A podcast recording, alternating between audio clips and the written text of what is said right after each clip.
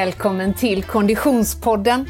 Vi är framme vid avsnitt 15 denna åttonde säsong och jag som pratar heter Frida Zetterström. På länk från Göteborg, hej Oskar Olsson! Hej Frida, på länk ifrån Stockholm och nyss urgången ur Nyhetsmorgonstudion. Hur, hur var det idag? Tack, det var bra. Vi eh, eh, hörs ju och ses via eh, Zoom-länk i det här, eh, denna veckans poddavsnitt, så du ser kanske det krackelerade tv-sminket. ja, det är så när man har med en kändis att driva podd med. Mm. Såg Inte du vilken man, kändis... utan jag. Ja, just det. Såg du vilken eh, eh, kändis som jag fick eh, hänga med i Nyhetsmorgon i morse då? Hur skulle jag kunna undgå Anja Persson, denna skiddrottning vi alla svenskar är så stolta över? Ja, fantastiskt. Eh, vi eh, får försöka eh, locka in henne i Konditionspodden inom kort. Hon är ju en eh, fantastisk eh, eh, människa och atlet och var ju med i Nyhetsmorgon i samma program som jag var med om i, därför att hon är med i en otroligt spännande serie som heter Expeditionen som startar på TV4 snart. Där de behöver kul. solglasögon hela tiden. Just det, jag pratar i solglasögon, exakt. ja, olika inslag helt klart. Ja, just det. Mm, Nej, men mer bara att hon eh, är ju, eh, eh, har ju använt sin eh, atletiska förmåga även efter sin karriär, onekligen. Men du, vi har inte Mm. hookat upp med eh, eh, dagens avsnitt för att prata Anja Persson, utan eh, vi pratar ju träning i alla dess former och nu är det mycket rullskidor på dig du.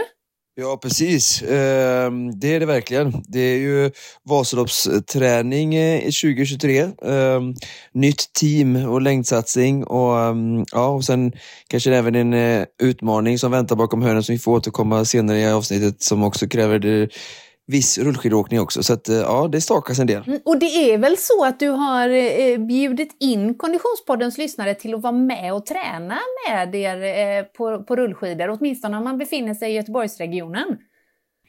Ja men absolut, alltså, och jag hoppas även att det kan få lite hangarounds och glada härliga människor som vill vara med kring detta runt om i Sverige också, så vi kan träffas ute på de olika tävlingarna. Men, nej, men du känner ju mig Frida, jag har svårt att göra saker halvdant. Alltså, jag är lite det är inte din all, grej all in killen. Eh, vare sig det gäller föredragsfirande eller om det gäller eh, olika typer av projekt. Och, eh, nu är det ju det här då med Vasaloppet 2023 och så har jag för- haft förmånen att tillsammans med Jan på längdskidspecialisten dra ihop det här, eh, den här lilla mindre satsningen på ett ödmjukt sätt eh, som då är team längdskidsatsningen som ska liksom ändå vara som ett långloppsteam, precis som de stora teamen, bara att i en väldigt mycket mindre nedskalning då eftersom vi ändå är heltidsarbetare medvetande föräldrar ehm, och killar. Och, men hoppas vi ska få med någon, någon tjej i teamet snart också. Eh, en av faktiskt dagens gäster kanske är en, eh, en tilltänkt sådan. Vem vet vad hon har för tankar framåt. Nej, men eh, skämt åsido, eh, vill gärna göra det här ordentligt såklart med den tiden jag sätter in. Och det här Team Längdskidspecialisten, förutom att vi ska tävla och vara ute, så vill vi ju liksom skapa liksom ett community runt omkring där folk kan vara med och träna, lära sig och hitta till längdskidsporten och ja, ta vårt ansvar att folk ska eh, kunna lära sig åka skidor och, och, och de som är osäkra och lära sig mer om utrustning och, och, och sådär. Då. Så att, eh, vi kommer att köra nu till början med i alla fall öppna träningar, eh, torsdagar eh, gratis eh, kring Delsjöområdet till att börja med. Eh, vi börjar faktiskt idag. Det här avsnittet släpps väl klockan 14 en torsdag, så när du hör detta kanske vi redan har haft passet. Men varje torsdag kommer vi köra fram till semestern i alla fall och sen fortsätta efter semestern. Så um, kika in på längdskidspecialistens um, Instagram så kommer jag lägga upp um, eh, alla träningar med teamet där. Så alla kan vara med, även om alla har stått på rullskidor. Man kan komma dit, få låna, prova på. Ni kanske ska göra en klassiker, ni kanske vill göra ett Vasalopp, en Tjejvasa. Eh, vi kommer att ta hand om er, vara glada, le, ge massa kärlek och energi. Så att eh, alla ska med som då vill lära sig mer om längdskidåkning. Alltså jag hör ju hur en eh, livesändning från en av dessa träningar närmar sig med eh, rullande stormsteg. Alltså. Jag tar med dig utlova. Niklas med kamera och mikrofon och du tar med dig träningskläder så ska jag se till att du får rullskidor på fötterna och ett par armbågsskydd så att eh, så är du dressed for success. Ja, det är underbart. Underbart. Ja, men det är superkul att, att, att följa den här satsningen såklart eh, hela vägen in till Vasaloppet eh, 2023. Och precis som du hintade lite om så eh, ska vi ju få med oss gäster i dagens avsnitt. Eh, vi ska eh, om en bara en liten stund ringa upp två stycken tjejer som ligger i hård träning inför ja, vad man nog ändå får kalla sitt livs utmaning. Om en liten stund alltså. Men du Oskar, jag eh, har ju faktiskt en liten utmaning framför mig också förhoppningsvis.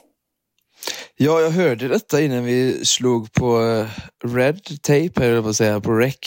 Eh, jättekul ju att du ska anta den här utmaningen igen. Jag hade ju äran att få dela upplevelsen med dig för ett tag sedan och hade väl, jag tror till att jag hade fixat någon sån här typ av bubbel, eller var det du som hade det? Eller vi skålade ju vid målgång.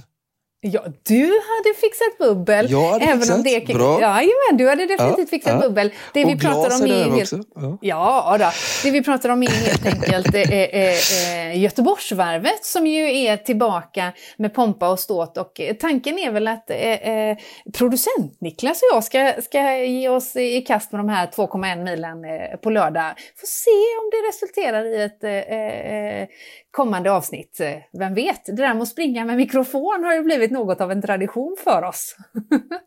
ja, men det är ju roligt med den typen av content när lyssnarna får följa med ut i hetluften, vare sig det är Vasaloppet, Göteborgsvarv eller rullskidsträningspass.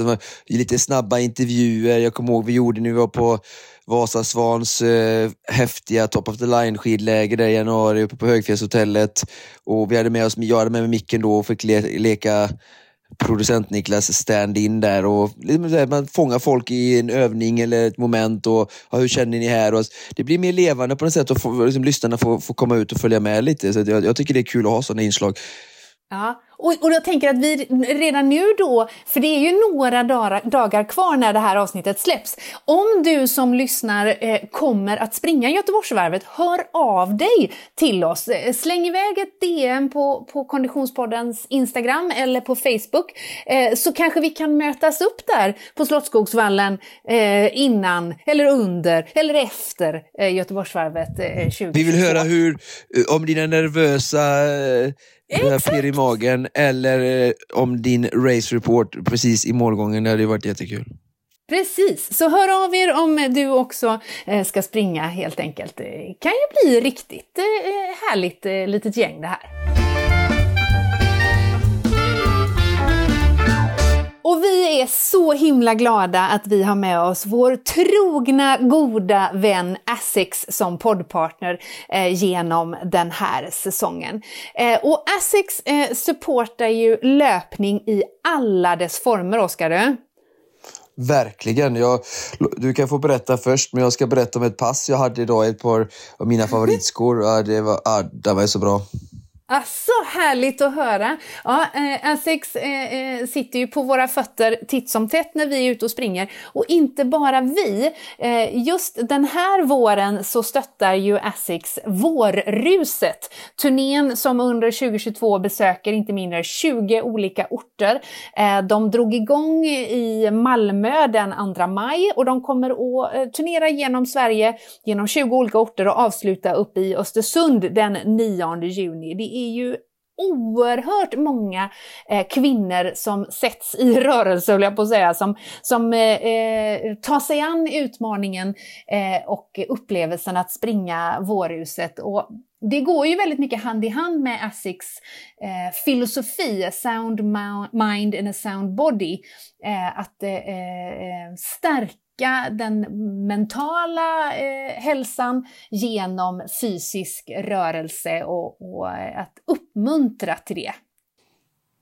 Ja, verkligen. Jag som har jobbat i branschen i många år kan ju tycka att eh, alldeles för många tar inte tillräckligt ansvar eh, inom, speciellt inom då sportkonfektion och sådär. Så att det eh, är jättekul att det är en sån stor och ledande aktör som Asics som är en av de ledande skomärkena i världen mm, sätter så mycket fokus på just folkhälsan och den mentala hälsan och gör, gör den lilla del de kan göra för att lyfta den medvetenheten. Så att, eh, ja, bara jättekul att, eh, att de gör det och att vi får ha dem med dem som partner. Ja, verkligen. Och vilka skor var det då som du eh, hade sprungit in i då, som du eh, ville hylla? Jo, men det är, ju, det är ju typ den skon som är utnämnd just nu till världens snabbaste sko och det kanske är mer den jag får skylla på än att jag var, vi var faktiskt chockade i det passet jag körde idag. Det Meta Speed Sky heter den ju. Eh, alla just som är det är ju deras liksom hetaste karbonsko som, som var den första och, och som verkligen liksom har slått. Eh, jag följer triathlon väldigt mycket och de, de största eh, och de flesta, eh, Christian Blumenfeldt nu som blev världsmästare på Ironman-distansen och även olympisk mästare inom samma år i Tokyo här nu i höstas, eh, har ju den skon. Eh, nej, så jag, jag körde ett duathlonpass eh, för den eh, nördige. Ehm, 10 minuter cykel på 300 watt och sen 3 kilometer löpning och så gjorde jag det två gånger. Och hade liksom eh, ja, men typ 3.30, 3.25, 3.15 på kilometersplittarna som en progressivt, det var i 3 kilometern. Vilket var väldigt chockande. Jag har kört så mycket fart och ja, jag blev jättechockad och liksom inte tog i jättemycket. Så jag vet inte, antingen så är jag i kanonform eller så är det en kombination och skorna är supersnabba. Jag vet inte. Det var, det var ett, ett skönt pass att minnas i alla fall. det är värt för oss alla att notera. Vad sa vi då att den hette igen? Metaspeed Sky. Metaspeed för karbonälskaren. Ja, Free speed. Ja, underbart! Vi är, säger tack så mycket Asics för att ni hänger med oss och gör oss snabba hela den här säsongen. Oskar, i eh, kölvattnet efter förra veckans avsnitt när vi pratade nutrition för tränande tonåringar och eh, eh, fastans eh, eh, vara eller icke vara eh, så har vi fått in lyssnarfrågor. Det är superkul att ni som lyssnar hör av er och reflekterar. Ehm, och, och en av frågorna berör fasta, eller hur? Ja, det, det, var ett tag sedan det kom in, eh, eller det var väl för förra avsnittet. Jag vet inte, den andra frågan vi ska ta sen också kanske är lite äldre än denna frågan. Men jag vill bara säga det och understryka att eh, vi försöker verkligen eh, lyfta dem så, så, så, fort vi kan, men vi hinner inte alltid med dem. Eh, då lyder eh, lyssnarfrågan så här. Intressant. Jag har alltid haft svårt att få fasta att gå ihop med träning eftersom jag ser ett regelbundet energitag som en förutsättning för träning. Skulle ni inte kunna prata lite om fasta eventuella fördelar i ett avsnitt i Konditionspodden? Det känns som att det är många som testar det här så det vore intressant för mig att förstå varför. Mm. Just det, så den här frågan eh, inser vi ju nu har kommit in före vi pratade fasta, men om vi ska summera lite grann och, och, och, och ta det eh, eh, en liten vända till. Eh, vad, vad, vad, finns det då för direkta träningsfördelar skulle du säga med fasta? Ja, men alltså träning på fastande mage gör ju ganska många. Alltså mm. motionärer som elit. Och Alltså är det inget superstenhårt liksom maximalt intervallpass så tycker jag alla morgonpass kan göras på fastande mage. Um, och det finns ju många, alltså det finns ju mycket forskning på just på det här train low, compete high.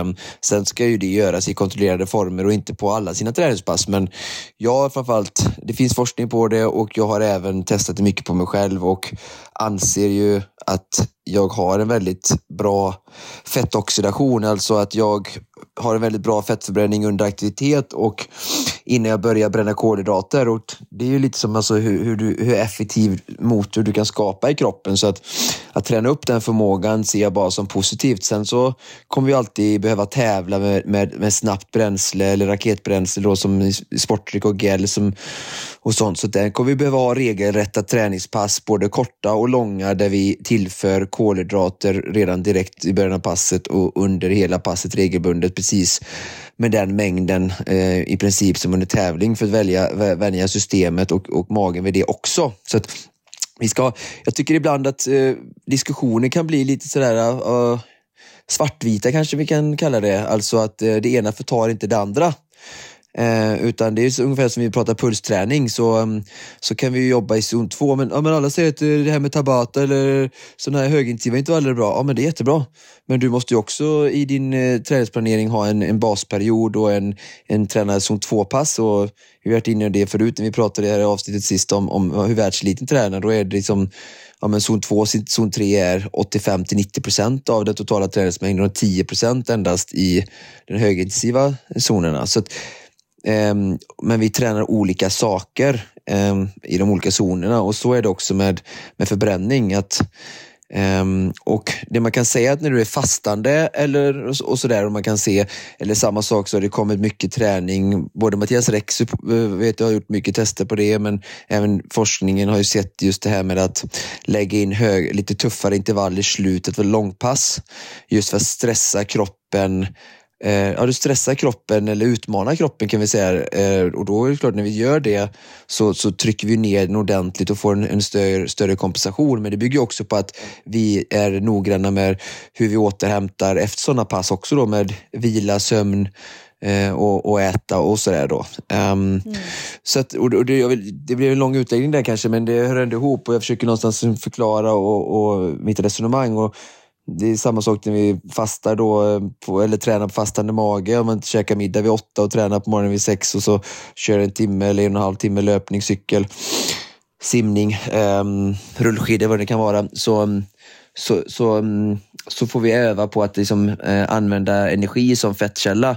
Och det är ju det vi vill göra under ett Vasalopp eller ett Göteborgsvarv också, så mycket som möjligt. Sen när pulsen går upp eller vi har hög puls, då kommer det bara vara kolhydrater till den största mängden som, som bränns. Men i lite lägre partier och sådär så kan vi använda lära oss att använda fett eh, mycket mer som energikälla och den har vi mycket mer och en större mängd att tillgå i kroppen som, som, som finns lagrat i oss. En, en kolhydrat som bara är begränsad till cirka 2500 och ja, 90 till 120 minuter. Så eh, det är väldigt intressant. Och, men, men nu pratar vi lite om träning, prestation och fasta. Och det, det var ju det här med att träna på fastande mage som folk gör på morgonen. Men Sen då att lägga in fasteperioder, alltså det är ju någonting som jag tror på jättemycket just för att stimulera hormonbalansen och mycket sånt som jag och Jonas var inne på. Och alla de där positiva effekterna, det har ju inte så mycket med träning att göra. Och jag kan väl säga så att alltså jag och Jonas då, jag kan inte prata för honom, men jag vet ju Hadra och följer honom och är kompis med honom att vi gillar att träna under fastan, både för att det ger oss eh, alltså träningseffekt och för att vi mår bra av det. Eh, men om det är någon som känner sig osäker och inte vill göra det i början så, så börja lägga in långtidsfasta som jag tycker då, upp till tre dygn i alla fall i bör till en början. Eh, för alla de andra positiva effekterna och träna inte under tiden om du inte, om du inte vill. Um, så nu i den här frågan så säger ju inte hon eller han eh, hur, vilken typ av fasta som, som hon eller han refererar till. Alltså, det finns ju en, en positiv faktor som jag har testat på mig själv och som på många av mina eh, adepter och lagt in lite då och då som jag tycker är väldigt bra eh, är ju 16-8. Eh, jag var lite så här halvskeptisk i början men jag har sett att det har varit väldigt bra just att um, ge kroppen um, en, ett längre fönster av, av fasta men det vi ändå äter tre gånger om dagen. Bara att man får en längre um, sammanhängande period där hela metabola systemet och magsäck och sånt där får vila. Mm. Uh, återigen så är ju bara fasta någonting som är en del av alla saker vi gör för hälsan och precis som att vi kan inte sova hur mycket som helst och vi kan inte träna hur mycket som helst. Så jag säger inte att folk ska leva så här 16-8 jämt utan jag körde det själv under tre, fyra veckor. Um, mm. Måndag till fredag och sen inte lördag till söndag. Um, gick ner två kilo. Um, för jag behövde, eller jag ville det, um, för att bli lite mer effektiv i min kropp um, efter min ryggskada och ja, hade lagt på mig lite under min vileperiod, vilket är helt normalt. Mm. Men jag ville göra det och, och sen även ge kroppen lite andhämtning och, och sådär. Så det funkar jättebra för mig. Och, och 16-8 går helt enkelt ut på går helt enkelt ut på att, att du... man äter under 8 timmars eh, fönstret och eh, eh, fastar under 16 timmars dag. Ja, och man kan säga äter middag vid 8 gjorde jag. Um, och sen åt jag lunch vid 12. Åt mellanmål vid 4. Tränade en till två timmar, sex, eh, fem till sju kanske. Och sen åt mm. middag åtta. Mm. Så jag åt ändå tre gånger och hade ju full eh, träningseffekt eh, och kraft. Eh, och så där. Jag åt ändå två varma mål mat om dagen. Mm. Plus ett mellanmål. Så att, men, eh, ja, men det är ju så, så, så här Alltså folk, eh, alltså, sen också det är mycket det här med 5-2 och sådär. Jag tror ibland så att det är ingen som behöver fasta. Vi kan lägga in det 24 timmars fasta som Jonas någon gång då och då och så är långtidsfasta jag försöker göra fyra gånger om året ungefär. Och, och alla de här olika anledningarna som jag berättade om sist. Um, och, och, och, då tror jag liksom att, att det är jättebra. Men det är ingenting som folk behöver liksom leva hela tiden. Sen tror jag att det har blivit en, en trend det här med fasta egentligen mest för att folk, folk bara har dålig disciplin. Att, ja, men liksom de har 25-2 och sånt där för att de tycker det är svårt att kanske avstå saker och sådär. Och så hör du många som mm. pratar om att eh, ja, men när de 5-2 då, att de äter fem dagar och så i fasta två dagar och så rullar de sådana veckor. Och det är klart att om de inte liksom klarar att äta bra mat de här fem dagarna så är det väldigt lätt att, man, att kroppen eh, suger åt extra mycket då det här som de överkonsumerar, att de har gått runt och längtat efter saker och svällt sig de här två dagarna och så blir det att de äter kanske mycket mer de här fem dagarna. Så att på, på sju dagar i vecka så kanske det totala energiintaget ändå blir när de äter en vanlig sju dagars vecka mm. utan 15 fasta. Så det finns ju så många olika aspekter att ta hänsyn till detta, men det jag ändå kan liksom summera till lyssnarfrågan är så att det är ingen fara att träna lugnt under din fasta. Om det är ett dygnsfasta eller två tredygnsfasta. Det är ingen fara. Um, kör du stenhårt i intervaller så kan, det kanske inte är att rekommendera, men det, är du van så klarar du det också. För det finns ju ett lager som inte är slut direkt i muskelglykogen lagret och sådär.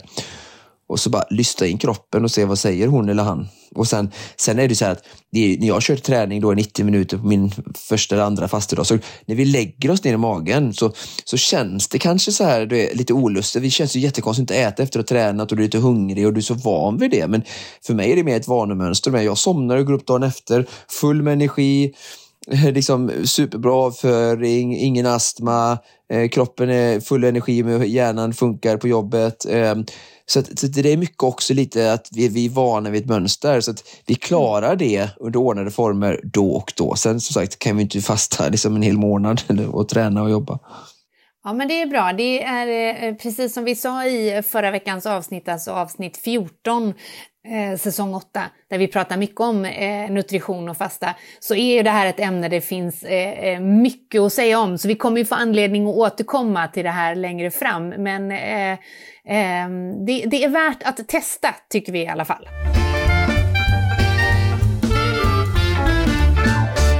Och vi är så himla glada att vi har med oss vår poddpartner Odlo genom eh, den här säsongen.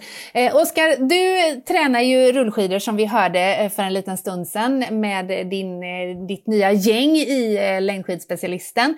Eh, men visst är det så att ni alla klär er oerhört snyggt? Ja, men det är jätteroligt. Eh, Tack vare Simon som är vår kontakt på Odlo och varit med oss nu, trogen partner i Konditionspodden, så um, har jag även fått med han i team Längdskidspecialisten där de går in och stöttar upp och eh, vi kommer ha vet du, kläder både till eh, de som tränar med oss som medlemmar och eh, vi i teamet kör såklart med dem och eh, det är såklart den här Zero Weight-kollektionen som någonstans tror jag har gjort Odlo ändå liksom mer och mer medvetna hos eh, konditionstränade personer här i Sverige. Det är ju fortfarande ett ganska nytt varumärke mot många andra. Men det börjar poppa upp mer och mer ser jag här nu i Sverige och eh, just Zero Weight-kollektionen som, som jag använder när jag åker rullskidor har blivit jättepopulär. Um, och jag använder deras, eh, till exempel deras Zero Weight, eh, vad heter den, eh, Chiltech i den här unionfärgen. Så att jag hann faktiskt med ett par backintervaller på rullskidor idag innan min andra träning där och då hade jag den och det är ju, förutom att den är grymt bra att andas så, så syns den ju. Så det är smart att ha de typer av neonfärger. Um, mm. När vi är ute på, i, alltså i trafiken lite sådär som på en rullskida så tycker jag om att synas. Och de har även en Zero Weight eh, West som är svinbra. Eh, som jag åker mycket också när det är lite, lite kallare. Som det kan, vädret kan ju slå om lite här i Sverige. Så då kan det vara skönt mm. att ha en väst ovanför t-shirten. Eh, så att hela deras Zero Weight-kollektionen kör jag både från, från topp till tå. Och, eh, den är grymt lätt och eh, andas väldigt bra. Liksom. Eh, jag uppskattar det grymt mycket. Mm, underbart! Vi är så himla tacksamma och glada att Odlo hänger med oss under den här säsongen. En annan lyssnarfråga som vi har fått in, Oskar, eh, önskar ju faktiskt ett helt träningsupplägg. Det vet jag inte om vi kan leverera, men hur låter eh, frågan? Ja, eh, frågan låter. Hej, har precis börjat lyssna på eran podd. Gillar verkligen er och podden. Då säger vi tack för det. Tack så mycket. Eh, jag har precis kört Vasan och Nordsjöloppet. Wow, Nordsjöloppet för den som inte vet är 22 mil på skidor. Imponerande. Och står nu inför en ny säsong. Jag skulle gärna höra hur ni skulle lägga upp ett helår mot nästa års Vasalopp med tanke på periodisering, polarisering. Båda har ni berört men inte vet jag dem tillsammans och sett över ett helår. Såklart vill jag även köra ett styrka i de olika träningsblocken. Jag siktar på led 1, 10 timmar träning per vecka om ni tror det räcker och vill ha ett upplägg för det. Mm. Ja, det är många, kanske inte många... vi, som sagt, vi, ja, precis, vi kanske inte kan leverera eh, alla delar, men om vi, om vi börjar med eh, eh, träningsmängd eh, kontra ambition. Nu är det svårt när vi inte vet riktigt vad han tar avstamp i, eller hon tar avstamp i, men vad säger du om det? Jo, men eh, jag behövde ju lite mer än tio timmar för att ta mig in i startled 1. Eh, men om personen frågar är mer talangfull, har några fler skidsäsonger, har ändå åkt eh, Nordsjöloppet och lite andra lopp vad det verkar. Så att, då tror jag absolut att det är fullt möjligt ehm, mm. med, med rätt träning. Mm. Och det är ju just det där med rätt träning som eh, hen är ute efter, eller hur? Mm. Och det är väldigt bra. Alltså första rätt som hon eller han eh, gör i, eh, i detta är ju att eh, ens börja tänka i banorna periodisering. Alltså det är ja. ju en av de grundreglerna kring eh, konditionsträning och jag har varit inne på det här förut när vi har tränat just, eller vi har, har avhandlat just träningsupplägg och de olika eh, träningsprinciperna. Eh, och så, så det är ju bara jättebra att jag får stått i mm. att dela upp eh, året i olika block. För det är det, det periodisering som... i det här sammanhanget betyder helt enkelt? Ja, precis. Mm. Och då är det mellan 8 till 10-12 veckor per block. Där vi jobbar med olika saker. Och varje eh, periodisering ska ju föregås med en längre sammanhängande periodsvila. Tycker jag är viktigt att säga. Vi glömmer ofta ordet vila och vikten av det. Ehm, jag hade ju mitt eh, tre grymma pass idag på den här träningsdagen och jag hade vilodag igår. Mm. Så att, okej, okay, Oskar, det finns ju kanske en chans, eller en, en liten parallell där till att jag verkligen överpresterade i mina mått mätt hur det har känts det senaste under dagen eftersom jag hade en, kommer en bra träningsperiod och så bara en dag vila för mig då som tränar mycket är väldigt mycket ändå. Så att, mm. det tycker jag är en viktig aspekt att bara nämna i det här att ja, men vila eh, ordentligt när säsongen är klar och sen börjar din periodiseringsupplägg för nästa års mål. Då. Och då pratar vi det här med block och då börjar vi med det, så grundträning, basträning, första kanske 8 till 10 veckorna. Det handlar om att alltså lära kroppen att träna. Och då handlar det om att börja bygga upp mängd. Um, och här kanske hon eller han vill ligga lite mer än 10 timmar i veckan då, för att 10 timmar kanske är ett snitt under hela året eller försöka komma upp kanske 10-12 i snitt och då, då kanske de här veckorna, några, de sista veckorna kan försöka komma upp till 14-15 i mängd um, för att sen i nästa block gå ner lite kanske i tid um, för det är tuffare träning. Men lära kroppen att träna brukar jag kalla det blocket för någonstans. Att, och då egentligen progressivt eh, vecka för vecka så ökar vi mängden hela tiden i minuter. Och fokus är eh, komma igång med styrketräningen, börja med högre repetitioner, eh, lättare vikter som sen i nästa block går över till mer explosiv, eh, tyngre då för då har liksom kroppen kommit igång med styrketräningen och, och är van vid de olika eh, grund, alltså marklyft, knäböj, bänkpress och lite annan sån här klassisk tung styrketräning då i kroppen. Eh, och muskelminnet eh, kommit in i det. Och samma sak då innan vi ska börja köra intervaller och sådana här saker så bara fokusera på mängd, mängd, mängd, mängd. Och jag har kört, det är lite därför jag var lite chockad idag också, även om jag vet hur kroppen funkar. Att jag har kört väldigt lite fart den senaste perioden, för jag befinner mig ju i min basträning och grundträning nu kan man säga um, mm. inför 2023. Så jag kör ju nästan inga intervaller utan det kommer jag ju försöka köra mer sen. Um, mm. Kör det kanske en gång i veckan eller varannan vecka med max. Ehm, så bygga upp det under det här blocket och försöka få så mycket distansträning som möjligt. Åka, eh, springa, även då för skidåkaren då, så tycker jag att lägga in mycket cykel och löpning som komplement och sen för att just också inte trötta ut och slita ut armbågar, axlar och rygg. Ehm, så under hela nu den här basträningen men även nästa block ehm, våga köra eh, löpning och cykel mycket som alternativ träning. Ehm, för att sen när vi kommer mot oktober, november då blir det mer fokus på ännu hårdare, längre rullskidspass och sen då snarare går vi över på snö. Och då blir det inte så mycket varken löpning eller cykling. Eh, något pass såklart, men väldigt lite fokus på mm. den liksom, specificitetsprincipen, alltså som bygger på att vi blir bra på det vi tränar i träningsläran och då handlar det just om att jobba med de specifika syresättande musklerna i den specifika idrotten, då i skidåkning i det här fallet. Som i en liten ask helt enkelt serverades det? Ja, och andra blocket är då, ska vi ändå kunna säga, någon typ av kapacitetsblock där det går in mot tyngre träning, kortare träningspass, mer intervaller och den här biten. Och sen då för att gå över i det mera då specifika blocket då, eh, skulle jag säga, Ehm, där vi bygger mycket skidspecifik träning. Då ska styrketräningen inrikta sig mer mot väldigt, alltså tänka på styrkeövningar som är verkligen skidlika som jag har visat på Konditionspodden och lite på Instagram där för dig till exempel. I några avsnitt kan man gå tillbaka och lyssna på när jag har coachat dig inför Vasaloppsträning och sådär.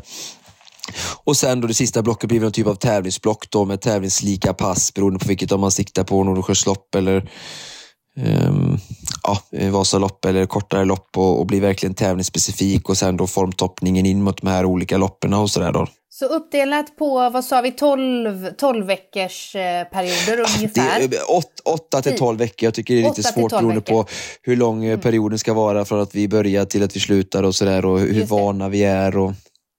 Mm. Men någonstans kring tio veckor är blocken uppdelade i och så får man helt enkelt eh, eh, räkna baklänges från när man vill vara klar eh, när man ska starta. Och eh, i det här fallet så handlade det ju om eh, startled 1 för Vasaloppet. Så att eh, ja, spännande helt enkelt. Du som skrev in den här frågan får ju såklart gärna återkoppla till oss. Eh, eh dels med följdfrågor men också hur det går såklart. Det är kul att, eh, att följa er där ute. Ja, tagga oss bara på Instagram så repostar vi och blir glada att få, få följa din resa och eh, stimulerande häftig utmaning du har gett dig själv. Så stort lycka till säger vi till startled 1. Och en utmaning som heter duga har våra eh, kompisar gett i kast med. Och med på länk från eh, tre, nej till och med fyra olika håll har vi nu eh, Jenny Ramstedt och Anna Hellström. Hej på er tjejer! Hej Hallå. Frida! Och Oskar, du och jag befinner oss eh, som sagt på två olika platser även vi, så med hjälp av teknikens under så ska vi nu helt enkelt eh, ha fyrpartssamtal av den enkla anledningen att vi får en eh, fortsättning på vårt kära Supervasan. Berätta tjejer, vad är det ni ska eh, ge er ut på? Göra en copy-paste på Oskar, fast lite långsammare kanske, eller vad säger du Anna? Ja, precis. Vi blev ju väldigt inspirerade när vi fick vara en del av eh, ett lag förra året som utmanade Oskar på Supervasan. Eh, alltså tre gånger Sälen-Mora på rullskidor, cykel och terränglöpning. Så att eh, nu känner vi att vi vill gärna vara de första tjejerna som kör hela sträckan eh, ja. själv. Eller ja, tillsammans ska vi göra det. Men Det är ju underbart! Och Anna, du körde ju cykeldistansen eh, förra gången. Eh, eh och Jenny, du eh, gjorde löpningen. Eh, och sen hade ni ju då med er eh, Ingela på, på rullskidor. Men precis som du sa, Anna, så är det alltså då dags att ta er an att göra alla tre distanserna på egen hand. Hur går träningen? Vill du börja Jenny eller? Ja, jag kan börja.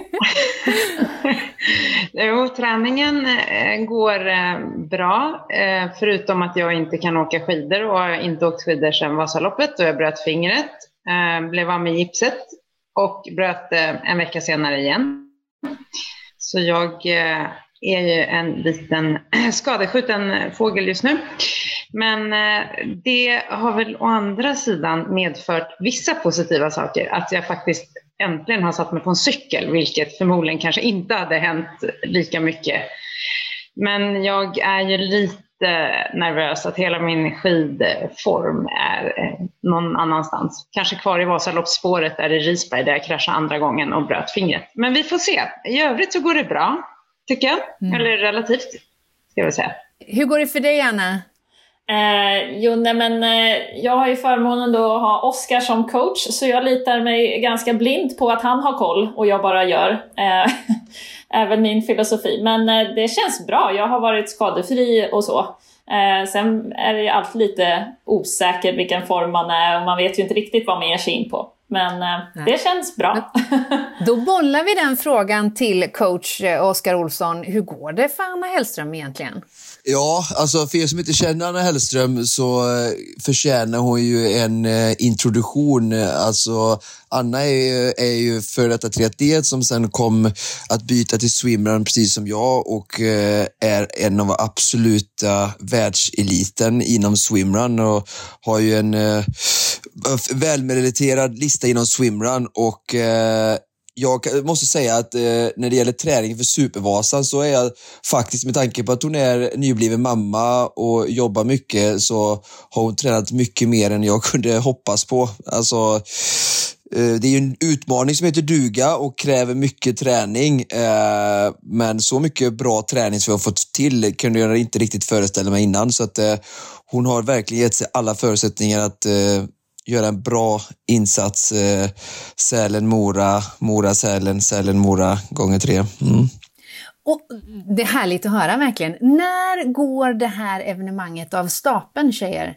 Lite för nära kanske i tid. Nej. 5 juni. Eh, och då är det nästan 4 juni, Anna, eller hur? Vi startar ju brutalt tidigt på morgonen. Ja, klockan två eh, natten till den 5 juni har vi tänkt att starta och vi, vi vill ju gärna gå i mål eh, innan midnatt till den 6 juni. är ju liksom ändå en motiverande faktor. Eh, så. Mm.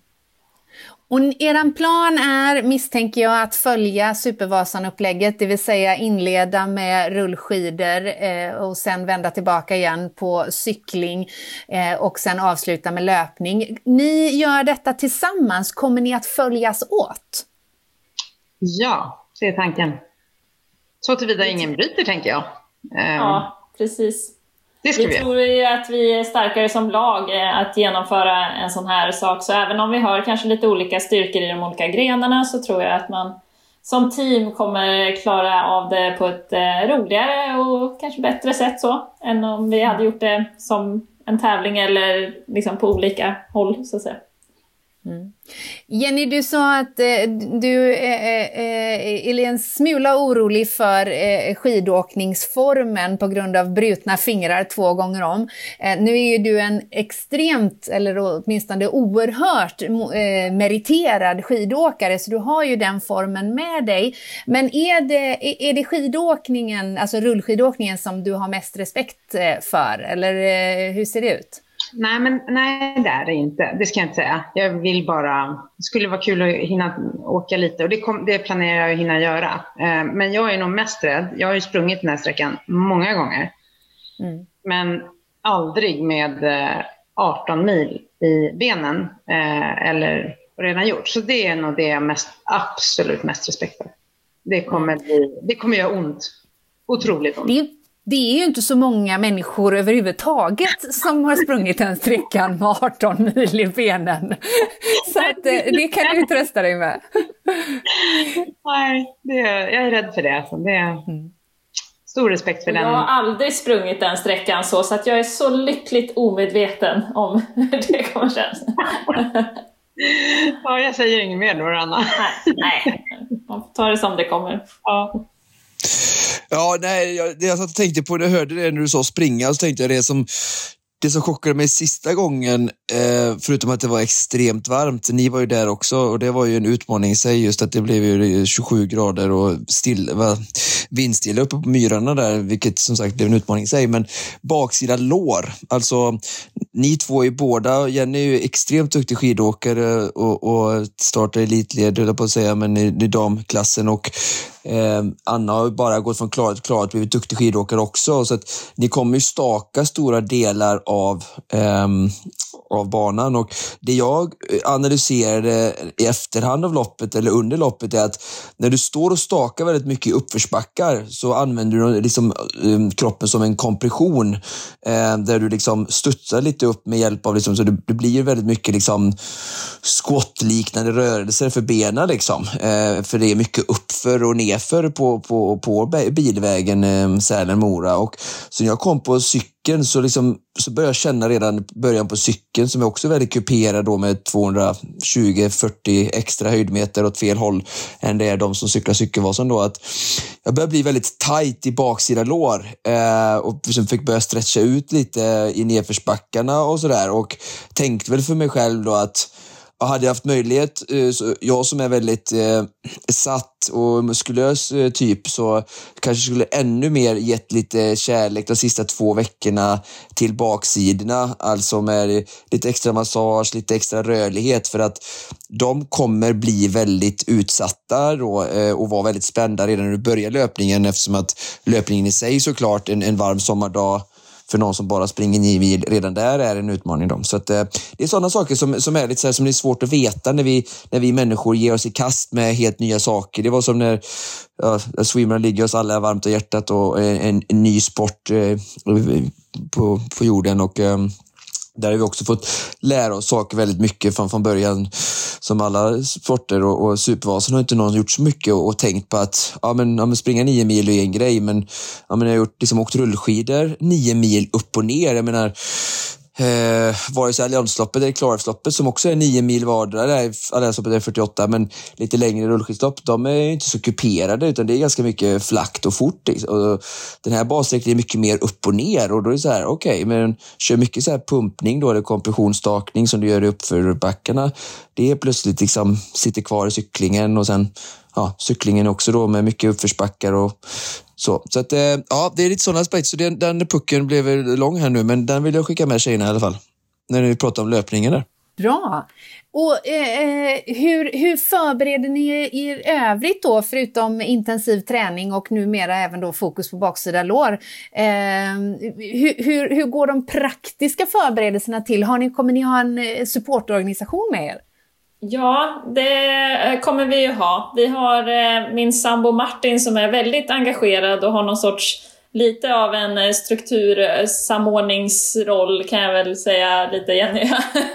han, han, har, han har jobbat en del med allt ifrån hur vi ska jobba med tracking så att de har koll på vart vi är och så att folk kan följa oss till också liksom olika, vi har en plan på att det ska vara några olika roller i form av en ansvarig för rullskidsmomentet och en bil där och så en annan bil som följer upp. Så vi kommer ha en supporterorganisation, är väl absolut planen och den är i allra högsta planeringsfas just nu. Och hur ser det ut på nutritionssidan, eh, Jenny? Har ni eh, börjat eh, göra en meny för det här dygnet? Eh, vi pratade, jag och Anna var uppe i Mora här för eh, en, en två helger sedan och pra, vi pratade lite om vad vi skulle ha. Eller hur, att vi, det är ju bara ofantliga mängder att försöka få i sig. Och vi har väl pratat om vilka märken vi ska ha. Eh, och vi har väl beställt lite, men inte de här, eh, inte tror jag som Oskar hade så väldigt så strukturerat. Och, men det, det, måste vi komma fram till och det ska ju också vår våra fina följeslagare få hjälpa oss med. Ehm, vi har nog mest pratat om praktiskt hur, hur vi ska lösa det. Slippa med oss mm. allt. Mm. Och hur ofta och, och sådär på löpningen till exempel och vart och när. Eh, det har vi pratat väldigt mycket om. Ehm, och så Just har vi väl en grundidé om hur vi ska lägga upp det. Jag tror att det är på cykeln man kanske enklast kan få i sig fastare föda. Till exempel på löpningen blir det en större utmaning. Ehm, så. Ja, spännande och, och vi, jag känner att jag redan skänker eh, eh, både sympati och kärlek till support-Martin där. Eh, jag som har haft äran att stå bredvid två gånger om, eh, förvisso med en mikrofon i, i, ena handen och en kamera i den andra. Eh, det kanske inte Martin kommer att ha, men vi är väldigt glada att vi får, får följa det, vi som eh, kanske inte kommer att vara på plats. För det är ju inte säkert att vi kommer att vara på plats eftersom Oskar faktiskt har snubblat in över en annan eh, eh utmaning. Ja, det blev ingen supervasa för mig tyvärr i, i år eh, av olika anledningar. Jag hade gärna varit där med er tjejer och eh, tuggat i mig de där eh, 274 kilometerna. Eh, men eh, jag eh, har istället eh, satt tänder i någonting som eh, kallas för superklassikern. Så att, eh, jag tänkte ju att Supervasan har vi bockat av så att, eh, nu får vi testa nytt vatten. Så att, eh, den 18 juni blir det Superklassiken. Du lägger på en, en, en, en, en gren helt enkelt? Ja, jag är lite avundsjuk på tjejerna nu. Så de slipper fokusera på simning. Det är ju rackarns att jag ska behöva ha fyra idrotter. Jag tyckte det var tillräckligt med tre. och sen så är det mycket svårare med logistiken också för det är så utspritt. Eh, Sälen, Mora, alla Vasaloppen där går ju på samma ort. Det är också väldigt behändligt. alltså Supervasan är ju väldigt bra. Alltså det är ju så här, fram och tillbaka, fram och tillbaka, samma ställe. Det är bara att ställa ut nutritionen vid samma kontroller, ta på vägen tillbaka på cykeln stanna, äta, dricka.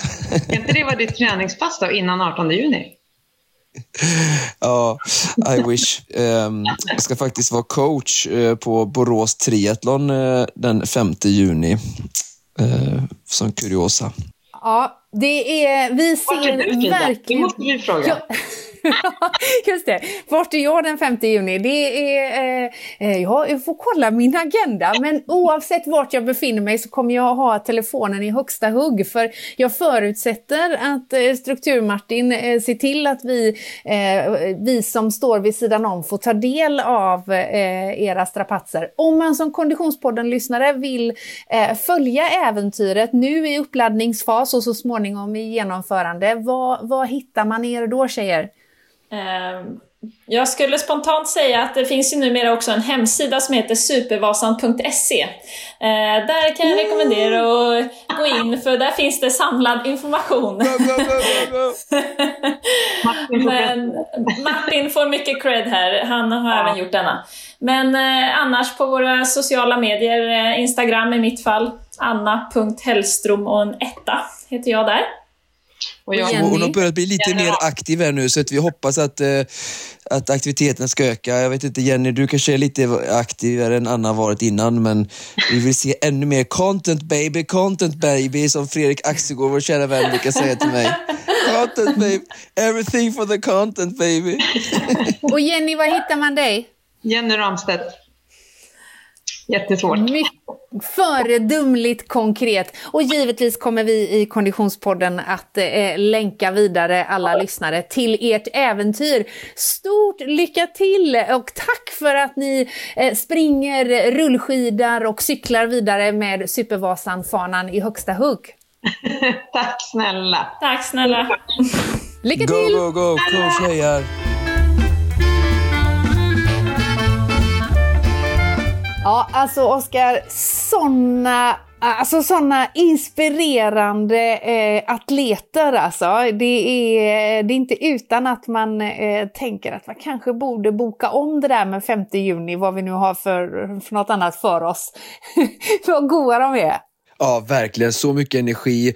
Eh, so gutsy girls. Alltså, eh, med, eh, alltså följer sin vilja. Alltså vi ska komma ihåg att det här är eh, mammor, heltidsarbetande, som bara ja. liksom, blir inspirerade, eh, väljer att verkligen prioritera sitt liv och förstår det här att det finns inga det finns inget som är omöjligt. Ehm, allting i livet handlar bara om prioriteringar och att bara att varje människa följer sitt hjärta och sin vilja, jagar sina mål och drömmar, vare sig det är att ha en kolonilott där vi vattnar blommor och tar hand om, om eh, naturen eller om vi då jagar en, en supervasa-utmaning för en, för, om en, en kort eh, period i sitt liv. Så jag tycker det är så häftigt och, och det, det visar på så mycket mer på viktiga värden för mig, eh, för mänskligheten, just det här med att våga. Alltså vi är så normstyrda styrda i det här samhället. Förlåt, jag get carried away här nu, men jag brinner så för detta. Och, eh, de visar ju verkligen det här att, eh, ja, men trots att många kanske skulle ge upp i, ens, i, redan i tanken att nej men det kan väl inte jag och de här negativa affirmationerna eller det, det, oj hur ska det gå, vi oroas för att det inte ska, alltså utan bara lita på sin kraft, sin vilja, vad som känns rätt i sig själv, följa och jaga det. Och, mm. och det beundrar verkligen och låt er som lyssnar på detta inspireras att följa det. Sen behöver inte det vara träningsförankrat eller förknippat utan att det kan vara vad som helst i livet eh, som vi går och funderar på och kanske har sagt att vi inte kan eller borde för att det, hur ska det tolkas eh, i omgivningen? För jag kan tänka mig bara hur, nu lever både Jenny och Anna i, i likasinnande eh, miljöer, sociala miljöer. Så att förhoppningsvis får de mest påhejningar och positiva tillrop snarare än att måste hålla på med det eller oj, oj, akta dig, tänk på hjärtat eller ja, vad det är för typer av saker som jag tänker väcks hos de här människorna som kanske mest blir påminda om sina egna tillkortakommanden, tänker jag då, när, när människor har en mer negativ inställning till Eh, sådana här saker istället för att eh, vara eh, peppande och stöttande till, till de här tjejerna som verkligen tar an detta. Så, sen tycker jag det är jättekul att Supervasan som, som jag en gång fick en idé om och som sen både du och Niklas och Konditionspodden har varit en del av att hjälpa till att bygga och även många andra med partners och sponsorer. att på denna anrika mark som ändå Vasaloppsmarken är, att den eh, tävlingen kan få leva vidare nu. Jag hoppas ju att det inte är det sista jag har med Supervasan att göra, även om jag inte kommer vara där i, i, och göra den i år. Så, så tycker jag det är så kul att de var med, liksom ett av de utmanande lagen som, som var med förra året skulle slå mig och så blir de inspirerade och så är det som, nästan som att det här blir liksom en, en ny sport eller en ny företeelse som föds och som genom inspiration är det också en sån här häftig grej hur vi människor hur det funkar liksom, när nya saker och ting föds. Så att någon gör någonting banbrytande eller testar någonting, bara vågar testa, vågar kasta sig ut och så blir det en inspiration för andra som, som tar vidare stafettpinnen och så gör de det också och så blir de mm. glada. Och liksom, nu har vi skapat någonting som skapar mening för dem. Och menar, jag har ju varit själv varit inspirerad av andra människor på, på Instagram eller på förebilder innan, långt innan telefonerna fann det som har, har skapat mening för mig. Jag har suttit framför tv-apparaten och följt massa liksom, skidlopp liksom, sen jag var liten med min styrpappa och så fotbollsidoler. Alltså, det, det, är också bara det är också en häftig företeelse som inte heller behöver vara idrottskopplat utan som vi bara också kan lära oss mycket av detta, hur, hur det fenomenet funkar med inspiration mellan människor. Mm, ja, verkligen. Och både eh, Jenny Ramstedt och Anna Hellström eh, var ju som sagt eh, med oss i, i Supervasan sist, så de vet ju vad de ger sig in på. Och jag måste säga att just det, just det faktum att de vet vad de ger sig in på och ändå tar sig an Supervasan-utmaningen är både imponerande och inspirerande och vi ser med tillförsikt fram emot att följa de här tjejerna mellan Sälen och Mora, Mora och Sälen, Sälen och Mora igen eh, den 5 juni. Ja, det blir superspännande. Och du släppte ju något utav en eh, eh, eh, eh, eh liten eh, eh, träningsbomb där måste jag säga i samtalet. Vi, vi och jag säger vi eftersom jag följer i ditt kölvatten, eh, eh tar ju oss an en ny utmaning. Ja men precis och det var lite liksom där också ur denna utmaning som namnet Supervasan som jag valde att kalla det för kom ifrån. För att det fanns ju någonting som hette Superklassiken eller heter Superklassiken ehm, innan Supervasan blev till då som innebär att du gör alla klassikerlopperna i ett svep då och på rätt ort då som respektive event Ja, det vill säga eh, på rätt arena. Och, och det där ska, vi, ska du då eh, eh, ge dig i kast med, eh, är det tänkt. Det eh, finns ju rätt många logistiska utmaningar kring, kring det evenemanget. Ja, för en nyfikna då, så som, så som jag har lappat och som det ser ut nu då, så kommer jag att starta Vätternrundan då såklart. Den största och längsta utmaningen har äran att åka med Team Mustache som är ehm, en, ett jättehäftigt team som har tre startgrupper i år tror jag. Eh, olika subgrupper då. Sub 9 tror jag, 8 eller om det är sub 10 och sub 9 och så 7.30 då som jag åker med. Um, och Team Mustache, då jag får se till att spara ut en mustasch tänker jag väl. Och, um, mm. de samlar också in pengar till prostatacancer i och med detta varje år. Mm. Ehm, så de kommer jag cykla runt sjön med. Eh, runt 11.30, 11.45, 12 där någonstans den 18 juni då när subgrupperna släpps iväg. Och sen kommer jag tillbaka, förhoppningsvis tillbaka till Motala helskinnad och sen är det då helikopter till Vansbro. Där 3000 meter ska ehm, eh, avverkas avverkas en förmodligen hyfsat eh, kallare älv än i själva Vansbrosimningen som äger rum i juli. Just För att det. sen snabbt flyga helikopter till eh, eh, anrik mark där du känner dig hemma vid nu efter några nedslag i Supervasan. Så att eh, vid klockan i Bergaby eh, vid parkeringen där släpper helikoptern av mig för att åka eh, den snabbaste vägen nu då eftersom att det är det som har skett de tidigare försöken. Så det blir ungefär 85-86 kilometer rullskidåkning då. Ehm, för att ta mig till Mora där helikoptern eh, återigen eh, nytankad vid Sälens flygplats. Eh, några timmar senare möter upp mig och tar mig till Lidingö och mitt team eh, för att då göra den sista delen i en svensk klassiker då som är Lidingöloppet. Eh, tre eh, hyfsat kuperade mil eh, runt Lidingö helt enkelt. Så att, eh, är ni morgonpigga på söndag den 19 i Lidingö, kom ut, heja. Jag kommer behöva all kärlek och hår, hejarop. Ja, onekligen. Och eh, givetvis, kära Konditionspodden-lyssnare, kommer vi få all anledning att återkomma till eh, det här spektaklet som vi ändå får kalla det. Det här är, vi ju inte, är du ju inte först med, utan precis som du sa, det här har gjorts tidigare. Vad är det för tidsambitioner som finns kring eh, den här utmaningen? Ja, det finns bara en ambition och det är att slå rekordet som är 19 timmar och Såklart. 46 minuter. Annars skulle jag ju inte försöka.